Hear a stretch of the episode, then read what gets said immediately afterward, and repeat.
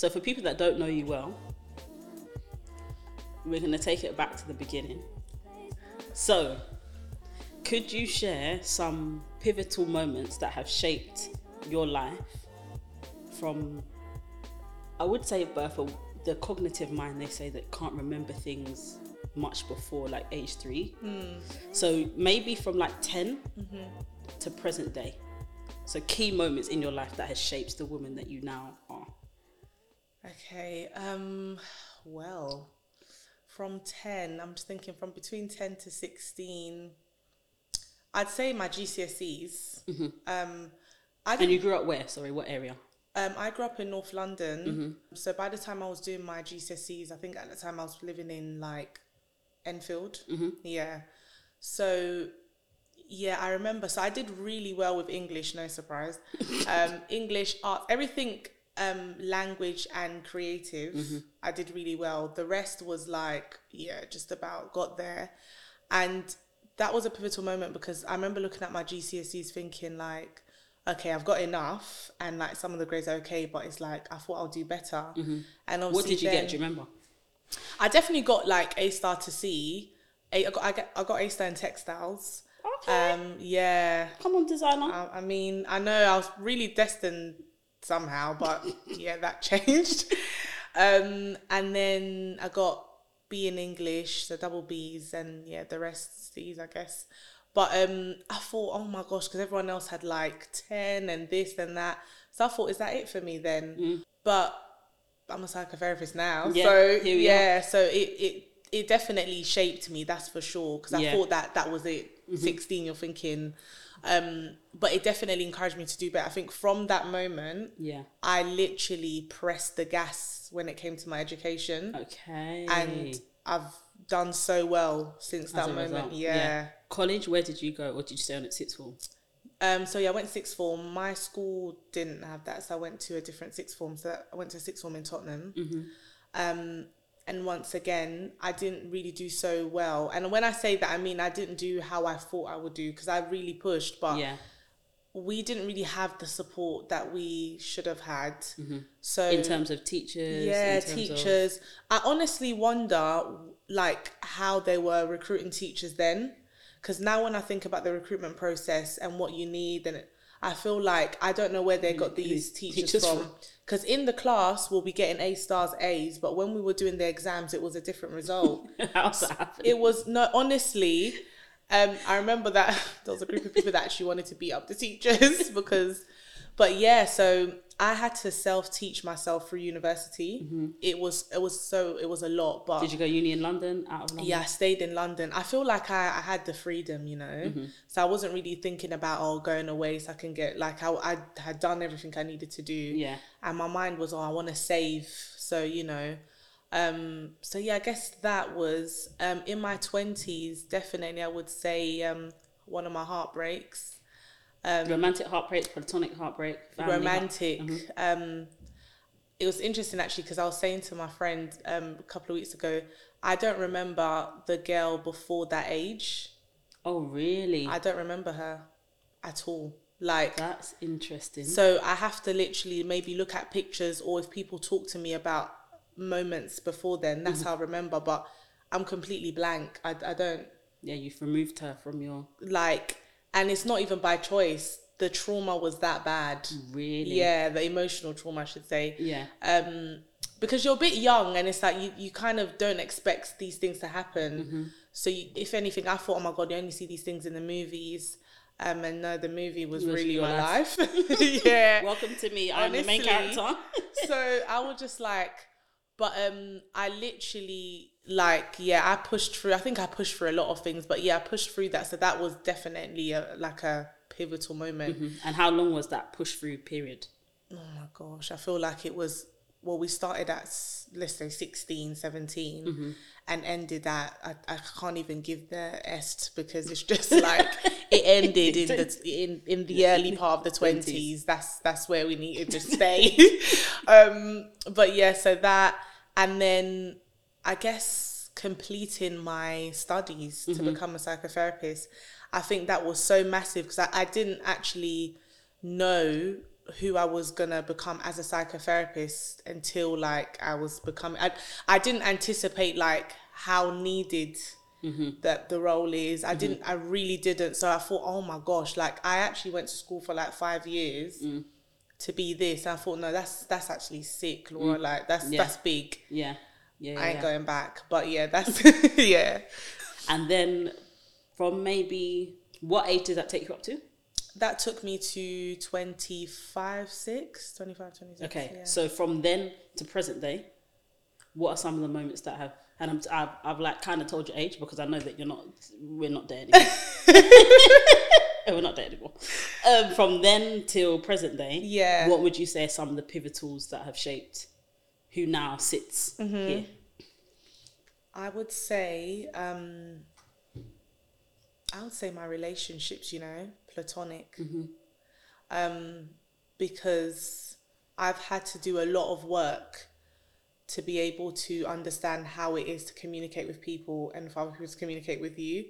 So I feel like while some people might think, oh, you'll think about like an achievement or something, I think it's literally the essence of those little things like communication, presence, empathy, those have really shaped who I am from I'd say 25 up until now, 100%. That's so interesting because that's what I just observed Hmm. that you didn't say. Oh, as a psychotherapist, I've now done. I've now done. I've been featured in. I've released such and such.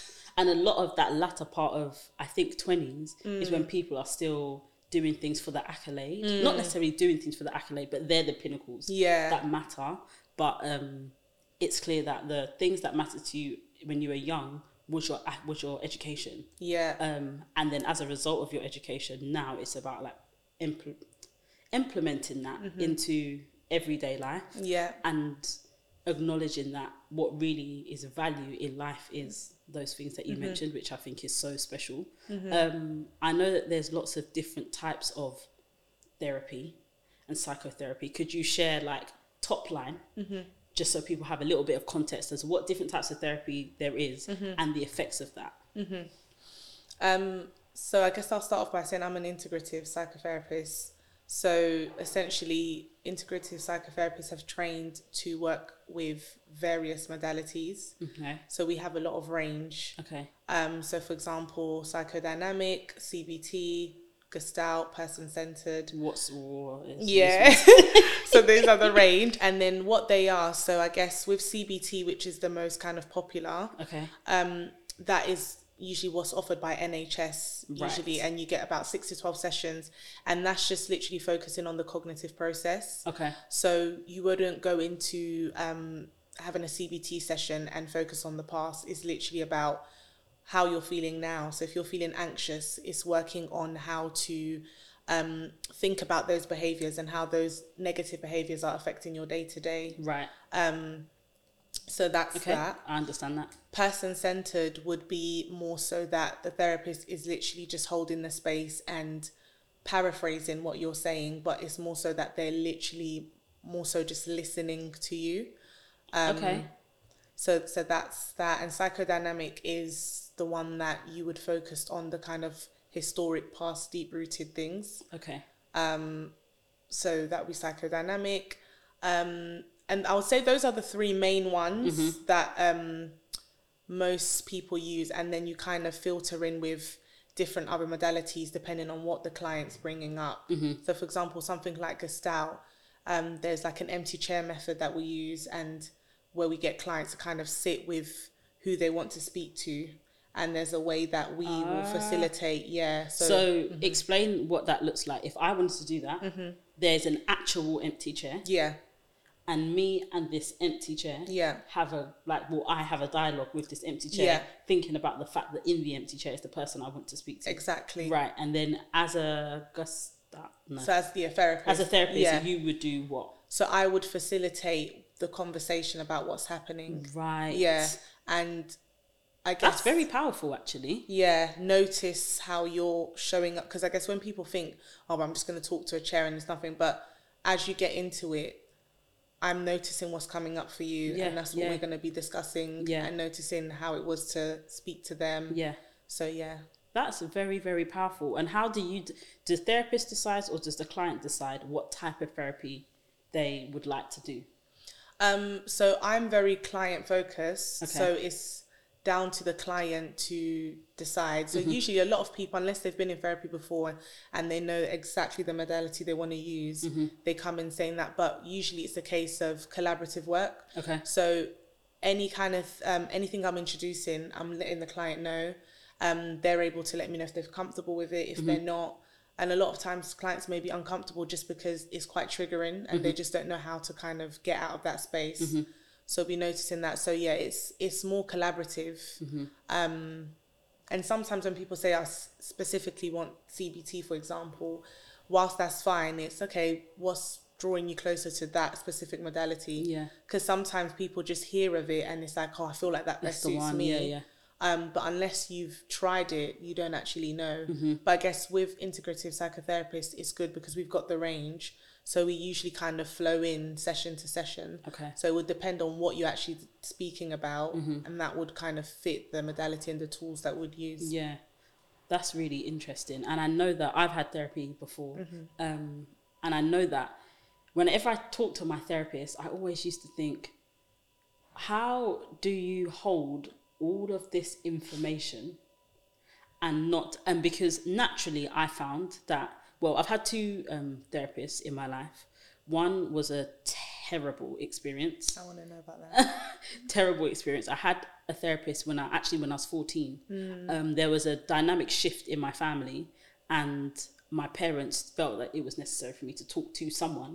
So the school I went to provide like a um, almost like safeguarding kind of environment where you could go and talk to someone completely neutral. This woman, okay, so the best way I can describe her, and this is me being trying to be visual, so you can mm-hmm. really gauge the type of person I'm describing. You see, if you're walking down a street and there's like a house that mm-hmm. has overgrown hedges, overgrown weeds, mm-hmm. everything outside is unkept, you see maybe five different cats in the windows. The type of person that might live there was the woman that was right. was the woman that was my therapist. Okay. Just so you have an idea Yeah. of what who I was who I was mm-hmm. faced with. Mm-hmm. She had like long grayish brownish hair down to like her waist.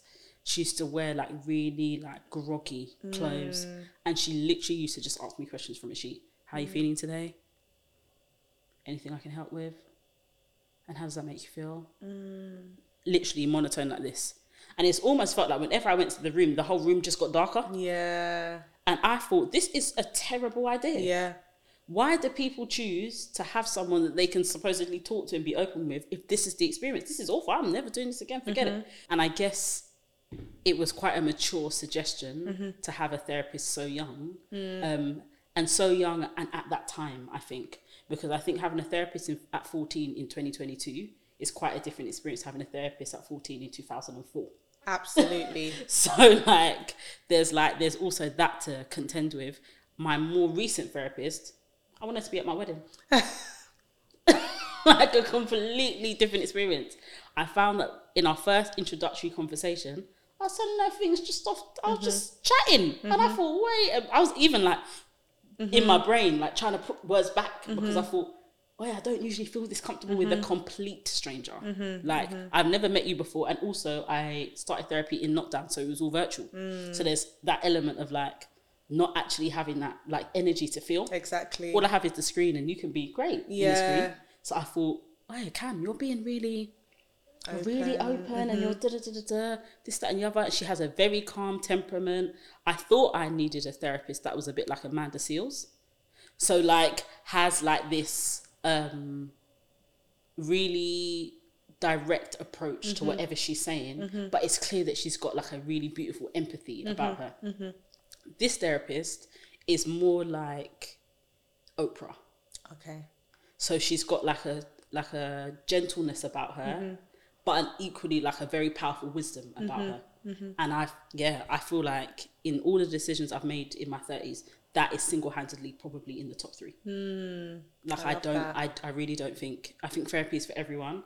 And I've also realised that therapy is not when you're in crisis. Do you find that people take therapy when Absolutely. Yeah. And that's because it's come from a place of a response from trauma. Mm-hmm.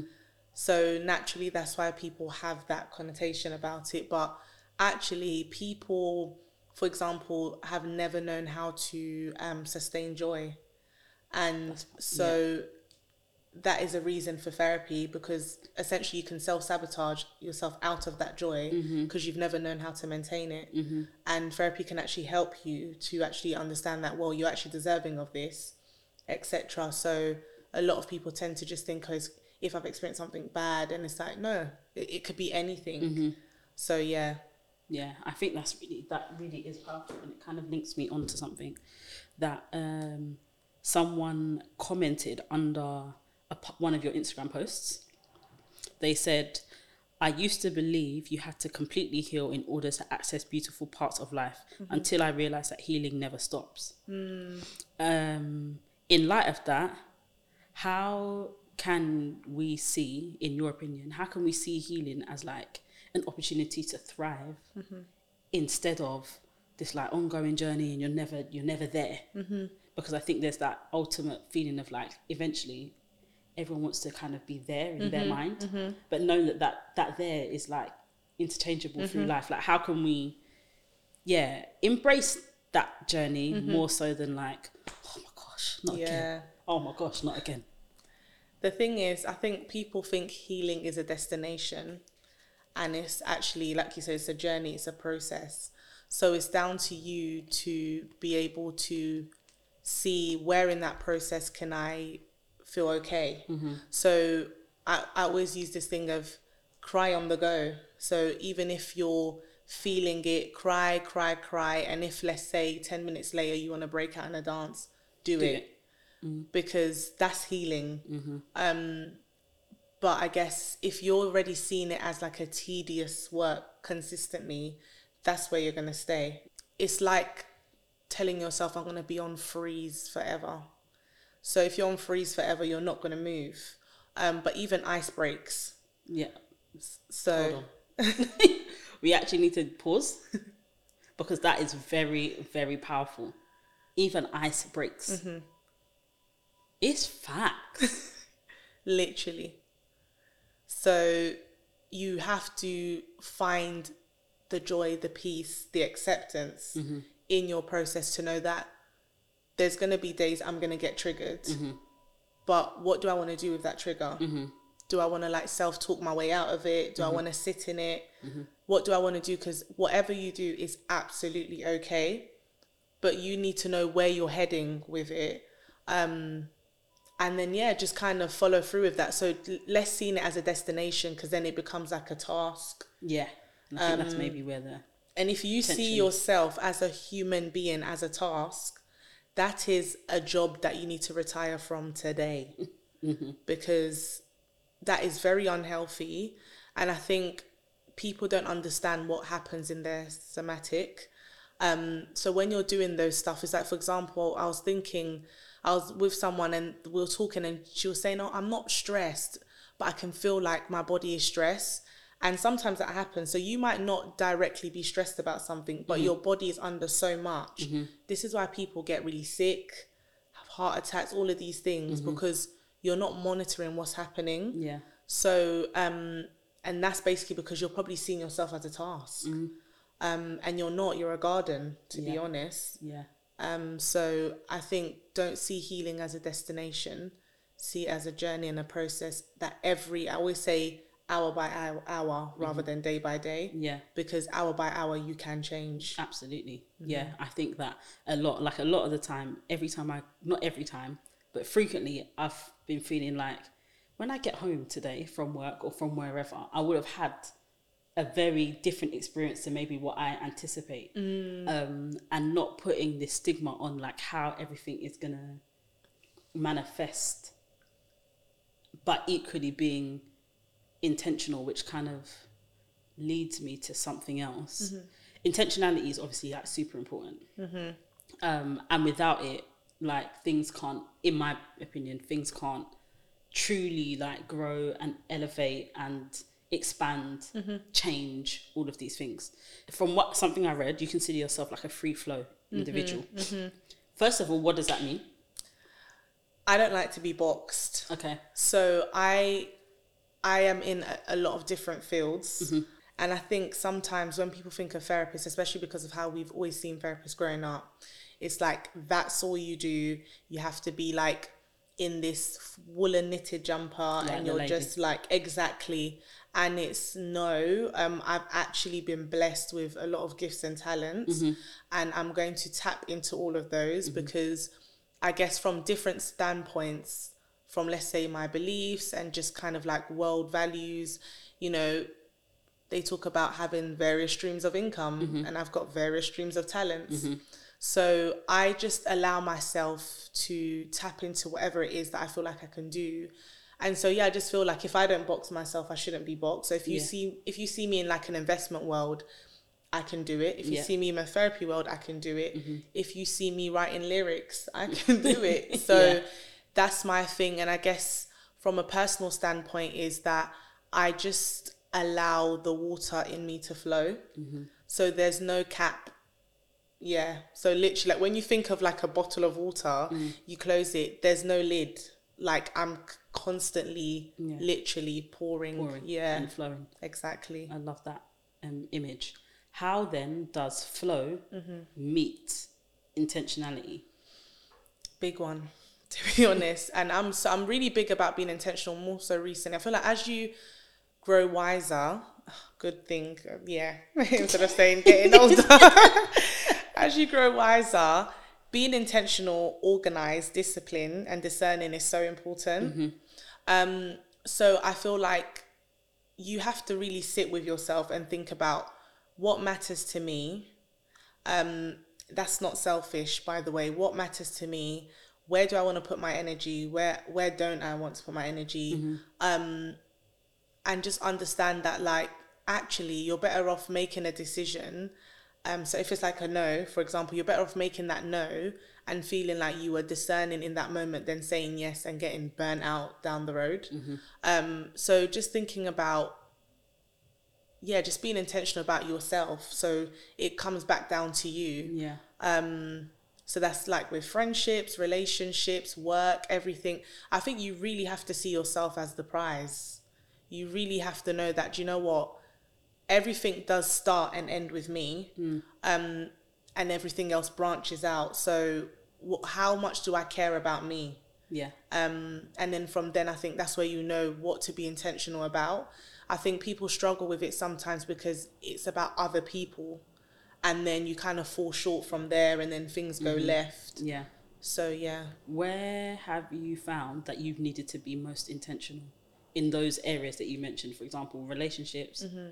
Work, even I'll put family in there, friendships.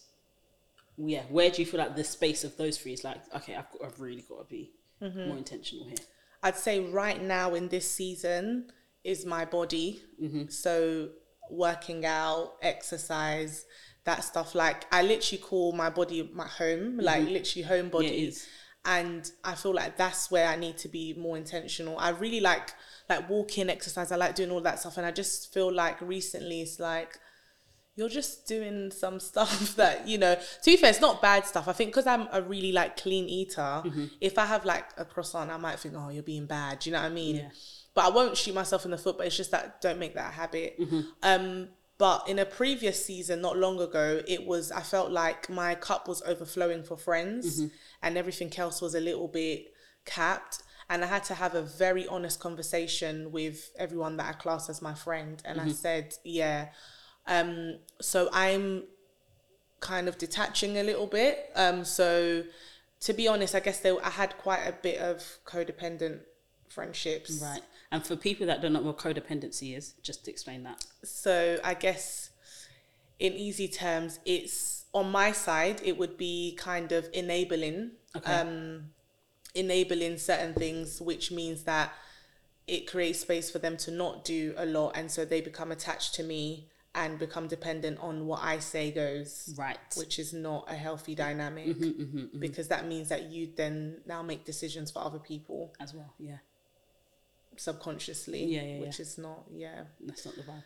So yeah, I feel like there was a lot, and I guess because I'm that natural nurturer and all of that stuff, so I had to kind of pull away from that. And it doesn't mean that I was like completely distant, don't speak to me. No, like I was still there, but I just had to release the part that was overcompensating. Mm-hmm. And that was because I guess my my work, my practice was becoming more intense and my clients are very important to me. Mm-hmm. These this is people's lives. Mm-hmm. Um so I knew that my focus had to be there and so I, I couldn't do the two. Yeah. So there's there's a way that I will show up um, with my friends that you know I can't do, as in I mean a way that I show up with my clients. Sorry, that I can't do with my friends. Yeah. So with my friends, whereas before it'd be like um, I'd give advice. I don't give advice. Um, I don't. I don't Because? encourage anyone to. I think it's a messy trap, personally. Um, Ex- Explain. so I guess in a sense of you can kind of suggest. So what before what I would do is that if someone says, "Oh, I want to leave him," whatever, I, I could probably say like, "Oh yeah, no, you should because X, Y, Z, and this."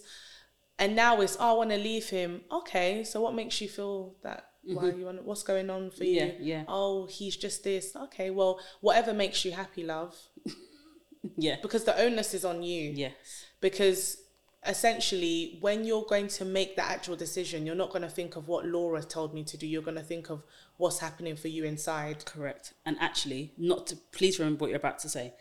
I just reheard it's a messy trap in my brain. yeah And I remember a time where I gave someone some advice Mm-hmm. for something that they, they, they outright asked me, What do you think I should do? Mm-hmm. And whenever I give advice, I try to think about not necessarily if I was you, mm-hmm, mm-hmm, but if I was in this situation. Mm-hmm. And that I have felt has like safeguarded me from any mess up until this particular mm-hmm. situation. Because if I tell you what I would do if if I was in this situation, it's about it's actually about me and like my character, what I, how I would respond, etc. Rather than putting myself in your body and your head and your psyche and your everything, and then trying to live out a solution, thinking about if I was actually you. Mm-hmm. Um, and I gave her some advice, and it mm. was very very messy. she did what I suggested. It didn't go the way that she hoped, and then blamed me mm-hmm. for it going left. And I thought, Yeah. what in the what is so that? the onus was on you Yeah, for a all of a sudden I'm the villain yours. for a situation. You asked me what I think, I said what I think, and now it's all gone Pete Tong. It's messy. yeah always bring the onus back to the because it's your situation so it's so how's it making you feel right now? What's going on for you? Why how come you've got to this this decision? Mm-hmm. because it's prompts that they need to answer and some people don't actually have the the mental range the language. They don't have that to kind of forethink it for themselves. Mm-hmm. that's probably where you could be of support. Yeah, but yeah, if I was you, maybe I wouldn't be in that situation, or maybe I would. Mm-hmm. But I'm not. You're in that situation right now, so I can't even speak from that place. yeah, So let's speak from what's happening to you, yeah, and then you can figure that out. yeah, yeah. And that actually reminds me of something that my therapist introduced me to called the drama triangle. and in so many ways, when she that was like one in our, one of our first sessions, she mm-hmm. said, "Oh, like you know, she one of the first things we actually did in our first session, actually, and this will be interesting to hear your how this manifests in your life. Um, I'll talk about the drama triangle first. So she showed me a video of this mm-hmm. triangle about like the present and like the villain, the victim, the mm-hmm. hero, da, da, da, da, all of these things. And I said, huh, would you look at life? So for the for context, the drama triangle is um, a theory where there's basically a line and you kind of live in one of three places. So like a victim, a villain, or a hero. And essentially, like in short, the hero is a person that, for example, might you might like Laura might need fish. Instead of me teaching her how to fish, I would just go and make her a fish sandwich. The villain is the person that everything's always somebody else's fault, right? Mm-hmm. Like it's your fault. If I if you didn't tell me to do that, I mm-hmm. wouldn't be here. Da, da, da. And the victim is life is happening to me. Mm-hmm. Um, and then the flip side of that is like the hero becomes a coach, so like teaches you how to make your fish sandwich. The villain becomes a challenger, so like asks you those kind of prompts, like oh, like what do you think about this? What do you think about that? And then the victim becomes a creative, so he like stops. Not he. Well, they start thinking about okay, this is happening. How can I be creative in finding a solution? Blah blah blah. And I thought this is so interesting, and so many different places do we show up in those different mm-hmm. in those different pockets. So would you say in your friendships you were the hero? Yes, It sounds like it. absolutely. Yeah, and Are you the hero in your family? Is that hereditary? Is that Um, your your family's like quite heroic? Yeah, to be honest, like even my mum, like yeah, th- that's yeah, absolutely. I'm even very proud of myself, but yeah, literally, that's that's the theme, and it's it can be extremely exhausting. Like, um, yeah, it can be extremely exhausting. I really had to take that cape off Yeah. Because I thought I'm not here to save anyone but myself, mm-hmm. honestly. And I can still be a very present, efficient, great friend, mm-hmm. but you have to learn how to do things yourself. Yeah. Because I always think in your dynamics, things are going to change. Some people are going to leave the country, some people are going to, you know, get married, have kids, whatever it is. And you're only going to get busier. Mm-hmm. And so, in those times, if I can't show up for you, what does that now mean for our dynamic then? Mm-hmm. So, yeah, I think it's a message, right? Yeah. But I think those questions are really empowering mm-hmm. because it makes you do the work. And I think that's where that codependency kind of links back to that mm-hmm. codependency thing that you were talking about in light of like people just expecting you to kind of just make Yeah. their make their decisions and like create their life almost. Mm-hmm. because they've probably never been in positions where they were able to um, really embrace their autonomy. Mm-hmm. They've probably never been in positions where they had to make decisions. You know, you had your parents making decisions for you, then you had a partner making decisions for you. So you've never had to be the main character, basically. Mm-hmm. So, but then what happens is it's very hard to take accountability sometimes those people because you're always ready to kind of shift blame mm-hmm. on others because you are so probably far from yourself that making decisions and all of that stuff means I have to look internally. Yeah. And I think lockdown definitely showed how far a lot of people are from themselves. Wow. Yeah. So Yeah, yeah, yeah. I, I agree with that. And how also like I heard a lot of couples separated as well. Yeah. Like far from just the truth of the mm-hmm. Connection because one person's going out to work, the other person's going out to work. They just come in past each other like ships in the night. yeah. Um, but that reminds me to go back to the first thing I did in my therapy session. just to touch on on. on the couple stuff um just on a low level i think so when we think of intimacy it's a very big thing and i think a lot of people think intimacy and think sex no that's literally at the end but a lot of people the closest thing that they've had to intimacy is sex mm. but they haven't actually had what intimacy is. So it's very easy for your relationship to break down because you haven't actually understood your body languages, your love languages, mm. all of the things that actually embody intimacy. Mm-hmm. And so it's just, I like you, I like you, I'm sexually attracted to you, we're having sex, and that's how we're bonding. Mm. And so when you're put into like intensive situations, it's very easy to fizzle out because you actually don't really know each other. So, Yeah, yeah, Yeah. And how have you seen? Now I feel like, huh, how have what for you is like a sure sign of intimacy? So if you're speaking to a maybe a young girl Mm-hmm. who like likes this guy and she's like wondering like what the situation is, what I was about to use a word that we're not going to use. What experience Mm-hmm. or, or prompts I was to say advice would you give her Mm-hmm. um, to like look out for like intimacy points Mm-hmm. almost? how do they make you feel when you're around them, not sexually? What happens when you're having conversations with them? Are you spaced out? Are you really present? Are you listening to what they're saying? Because a lot of times you could be speaking to someone and you're completely spaced out. Yeah, You yeah. are not connected to that person. Yeah. You're not even interested the slightest. Because anyone that you're intimately connected with, you are listening to everything that's coming out of their mouth. Absolutely. Um, so yeah, do you feel safe around them? So really just doing the body scan of how you're feeling when you're with them, how your conversations are going. Um, when you're not with them, what's the last thing you remember about them? So everything non-sexual, because the sexual stuff can be there. Yeah. Um, it can be there with anyone, to be honest. So those things about like body scanning your mind, body, and soul Mm-hmm. so I'd say those things. Yeah, And you realize there's a lot of silence after that. That's really true. That's really, really true. I think in a lot of cases, also just like in my experience, like the type of conversation that you have, um, and how much of themselves they're prepared to give to you willingly, mm-hmm. um, is something that I've found is like, okay, this is this is new. Mm-hmm. I wouldn't necessarily say it's like a thumbs up mm-hmm. because I know that that can sometimes be a hook. Um, but like I found that like the types of conversations as well, and like how much of themselves they just volunteer. so parts of their life, their history, their family, their friendships, the deeps of themselves, like just Absolutely. well, without you saying, "Oh, so how did you grow up?" They just say, "Oh, like you know what? It's mad because you know my brother," and then you just get this like Yeah. new part, and you're like, "Oh wow, I didn't realize we were here." They might feel safe with you. Mm-hmm. Yeah.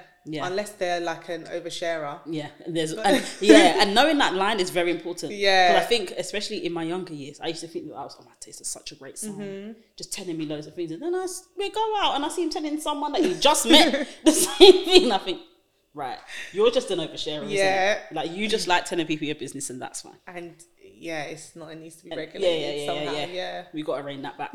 We've actually got to rein that back. A big thing that I really want to touch on is boundaries. Mm. When do you, realize you need to set them? How do you set them? Mm-hmm. And like, why do you think people dishonor them? I love boundaries. Um, and I think boundaries don't always have to be electric.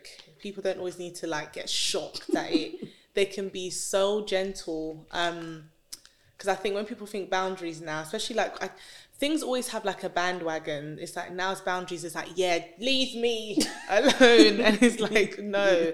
Um, I realized I needed to set them when I felt like my own life wasn't stressing me, but other people's lives were. Wow. Um, and I was, n- yeah, I was not willing to take paracetamol for other people's pain. I don't even take paracetamol, so um, yeah. So I thought this ain't it, um, and that's when I had to kind of relinquish certain things and just be, you know, cutthroat. How to set them for me? I actually have gentle conversations, you know. Um, and I just I, I always see it as conversations are practice for somebody else.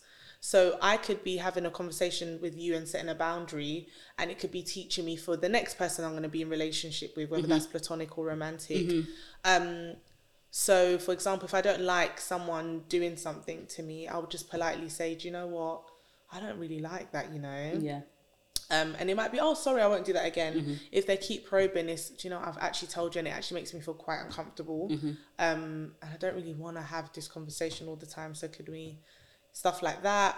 Um, I guess let's say some people like over call and stuff like that. Lucky there's a D and D button, mm. but you have people that it's like they will still call you. I think people have like nagging friends or partners or whatever, and it's just having that conversation that look, I literally unwind at this time. This is why I set my phone off at this time, and I'd really appreciate if you could respect that. Yeah. Just because if there's something with you that you probably didn't want me to meddle with, I would try to respect that as well. Mm-hmm. Um, How do you find those conversations have gone? Have they been well received? Um, not always, but that's a you problem, my dear. Um, it's it's I can't do Mm. Yeah, because yeah. what's happening if I hold on to how it's making you feel because this is a boundary. So this is something. This is me protecting myself, and what I'm noticing is that you are upset that I'm want, wanting to protect myself. Mm-hmm. That's something that you have to deal with. That's an internal trigger for you. Um, so we can talk about Yeah, yeah. it. We can talk about what is upsetting you, but when we talk about it, it'll come down to well, basically, you probably feel rejected or yeah, this yeah, or yeah, that. yeah, yeah. It gets to And that point. Whilst I can understand that, that's a work that you have to do. That's a journey you have to take on yourself. Mm. Yeah. Because I'm doing this for me. Otherwise, what happens is I'm literally cutting into a wound that you're not going to be able to fix for me, Yeah, yeah, yeah, yeah. Yeah, my dear. beloved. yeah. It's facts. Yeah. It's facts. And why do you think people dishonor their boundaries? or like how not even why do you think people dishonor them but how do you think people get to the stage of dishonoring their boundaries for example they've done everything you've just said Mm-hmm. they've given the gentle reminders oh do you know what like i'm not really feeling that like do you mind that da, da, da, da. maybe they've had to have another conversation like oh i know that you said i said this to you Mm-hmm. before and like it's not really being well received like how can we Mm. kind of work this through and then it gets to the place of like okay like people just think, oh, you know what? I've told them loads of times they don't really listen. I'm just gonna. Why do you think people get to that point? Like, oh, I'm just gonna leave it. honestly, it might sound like, uh, but I genuinely feel like, and I could even say it for me at at some points, you know, that you really haven't got to that deep space of I really love me. Mm-hmm. Um, and it might sound like, oh my god, how can you say that? Even that kind of reaction is a red flag, to be honest, because if you're so sure about yourself, nothing can shake that Yeah. because you understand that they're the ones that are not respecting the boundary, but this is what is protecting me, and I have to honor me. So there could be a fear of, oh my God, these people might leave, they might Yeah. leave me, they might, Yeah. you know, and it's like, then, you know, oh, I have to kind of work with them. That's an attachment issue now that you have to work on. So, and actually, you're not going to work on these things until you learn to respect your own boundary. Yeah. So literally, um, I don't even know what song it is. I'll respect you if you respect yourself. Literally, Yeah. Self-respect. Speak to it, boy. exactly. So I think it's that place of, and it's absolutely okay because some sometimes it can take you forty years to get to that place, twenty years, ten months, but it's just about learning to kind of get to the place where you know, do you know, is I'm really clear in when I where I stand when it comes to me. Um, and sometimes, yeah, people are just not in that space, especially when they're early on in setting boundaries. It's always going to go left for a, a while until it's like, no, I can't do this anymore. Yeah. And that's fine. You're not always going to get it right the first, second time. Mm-hmm. So I think don't be hard on yourself. I think the, the biggest thing is you actually try to do it. Mm-hmm. Um, but if you're consistently trying and it's like you're still dishonoring your own boundaries, then yeah, there has to be a lot more inner work Inner work. self respect for, Yeah. for yourself. Yeah. That's key. There's another um quote that came up um around that. Yeah, get for something that you said. Yeah, getting familiar Mm-hmm. with the beauty of setting boundaries. Self sabotage Mm-hmm. is another key area that I feel that when I look around at my world, Mm-hmm. um, black women sit in a lot more than anyone else. Mm-hmm. Um, I don't know if that's your experience. If it's not your experience, why do you think that generally as human beings Mm-hmm. we self sabotage? I will say quite a lot of black women are very firm in their in their stuff, but I think that took a lot of work to get there. Um, but I feel like these things are very historical. So they start from the slave trade. They then go into um, families, careers. So I think there's been so much on black women that hammers down that your place is at home breastfeeding, not even just your child, but somebody else's child. Um, so all I'm good at is very much what is the main maternal stuff. So when you go out into a place of work, there's already so many flags of why you're not good enough. But that was, you know, so to speak, a man that said these things. Yeah. Um, and so there's just this thing of there's not enough validation for a lot of black women to show that no, I'm good enough to take over this Yeah, this yeah, space. Yeah. And then if you've got you know traumas at home or in relationships, whatever it is, all of those things affect your self esteem. Um, and some people get really low in it, and so they sit in that space of I am what everybody else said I am, and so they can get into relationships, careers, and just go in with that stance and literally self sabotage their way through it until they realize, oh my gosh, I now did this. Um, but I think when you're thinking about, okay, I'm self sabotaging and I don't want this for myself anymore, you really have to get to a place of knowing that, no, I've been called to enter this room. So I'm, I need to take authority of this space. Yes. Um, and it's just little practices of like walking with your, you know, your, your back straight, your head held high, dressing how you want to be addressed, Yeah. doing whatever you want to do. I think there's this thing. So I, I was having a conversation with my friend, and she was doing something just to like you know get herself happy, and you know we're talking about that stuff. And I was just like, I think we need to stop thinking that we are poor, um, and in that sense of it's like. Even if you have a pound, you're not poor. Whatever you can do with that pound, do it to build that confidence. If it's the pound that you need to do to go and buy um, floss, get it. Do what you need to do so that you can show up for yourself. But nobody's going to believe your greatness unless you do. Yeah. Um, so I think we have a lot of power as black women, um, but we can't always wait for somebody to tell us that we're good at this or we're great at this. You have to believe it in yourself Yeah. and go for it. Yeah. Yeah. And it takes courage. Absolutely. It takes courage and it takes bravery. I was in it. I Yeah. was I was Yeah. deep in it. I when I so I hadn't had Instagram for like years. I think I came off in like 2015. Mm. So the last time I had Instagram when it was literally friends and family. Mm. And then um I was encouraged to like start putting my writing on Instagram. And for so long I just thought it's gonna be a page with just words. They're never gonna know who's behind this. Mm. That's fine, etc. And at some point I realized, oh gosh, this is self sabotage. Like you're just shying away from so much because maybe you don't feel like you're good enough to do this or that. And to be fair, to an extent, I think it was good. It was preserving me. But I also recognize the part where I was thinking that, oh, you probably don't think that you're good enough at doing X, Y, Z. And I just had to literally keep telling myself, like, whilst I was learning that there's a time for everything, that no, you are very good at this. Yes. and you know likes don't define me anyway never have. Um and it's just do what you need to do. Let it touch the lives that it touches. And that's that show up how you need to.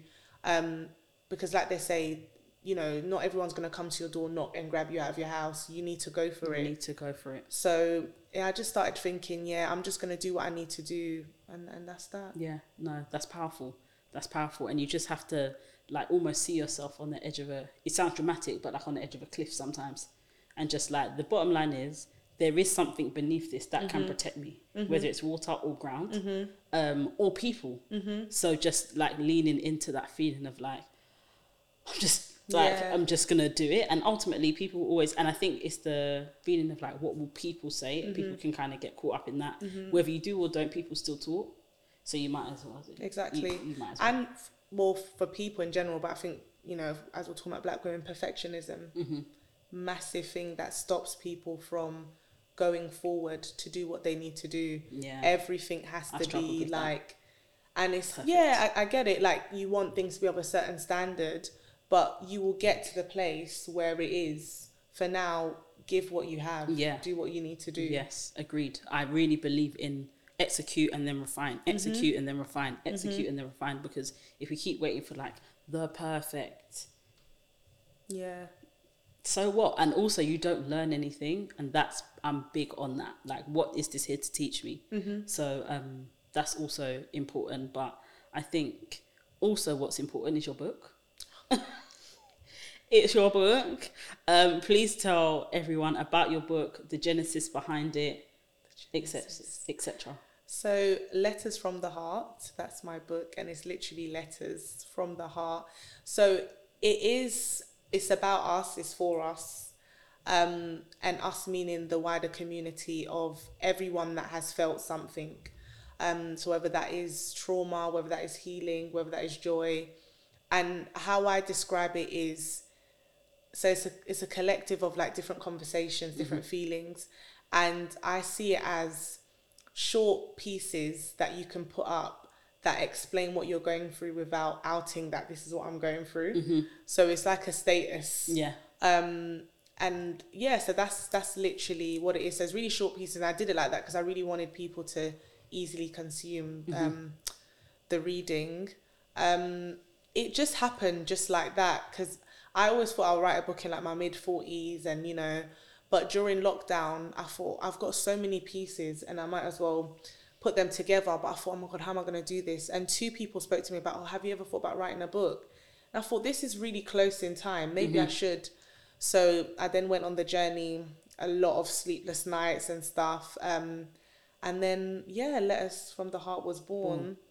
Um, it's a really good book. Um, yes, I say that Yeah, because no, it's my book. to. But even just reading it sometimes, I, f- I completely forget that I wrote the book Yeah.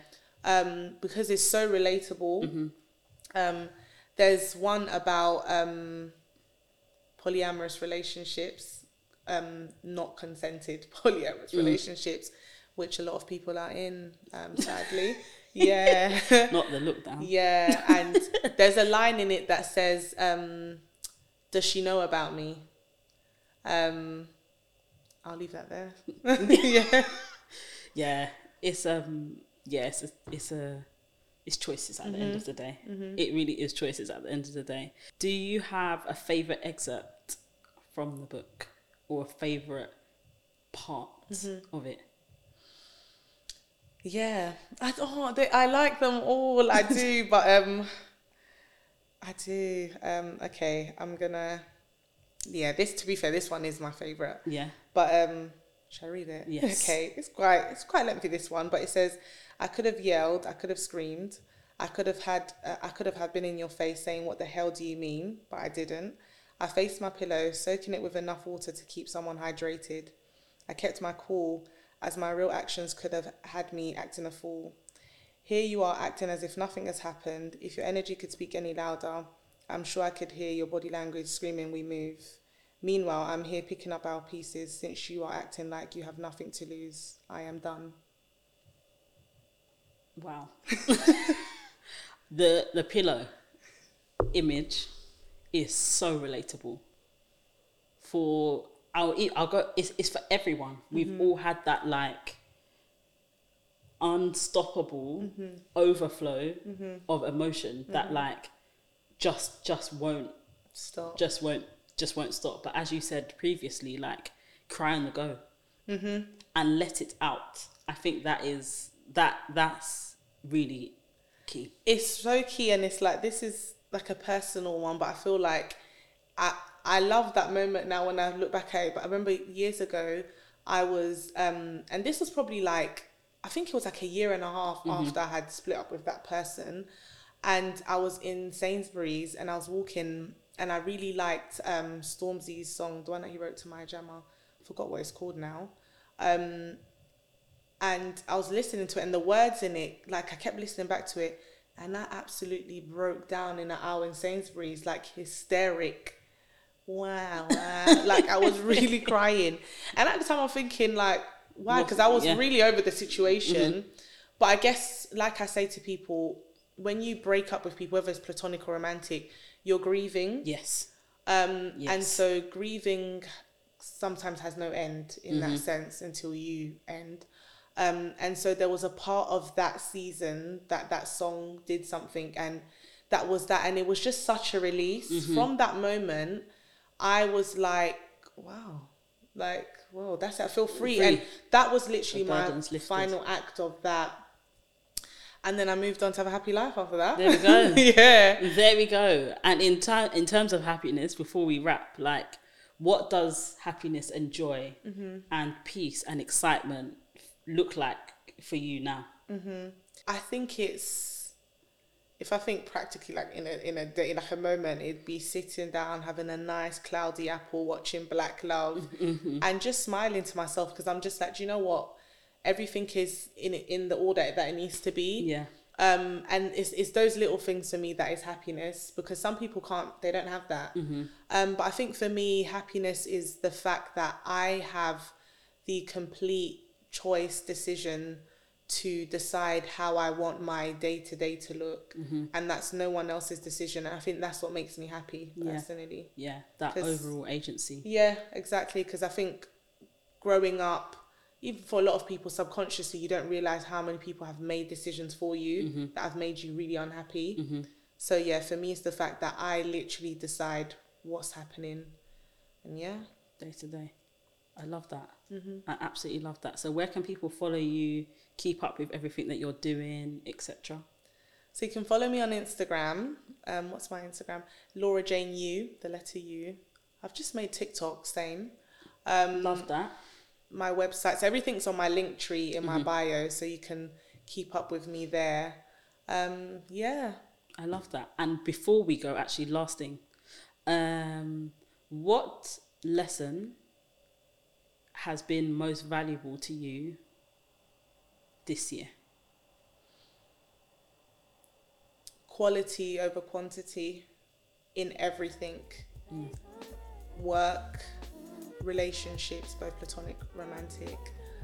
Me, it has to be quality over quantity. Numbers sometimes don't mean nothing, mm-hmm. but the quality of things do. And I think, to be fair, I have a word for this season, and it's consistency and discipline. So that's That's it. Mhm. Love it. Well, thank you so much. Thank you. It's been amazing.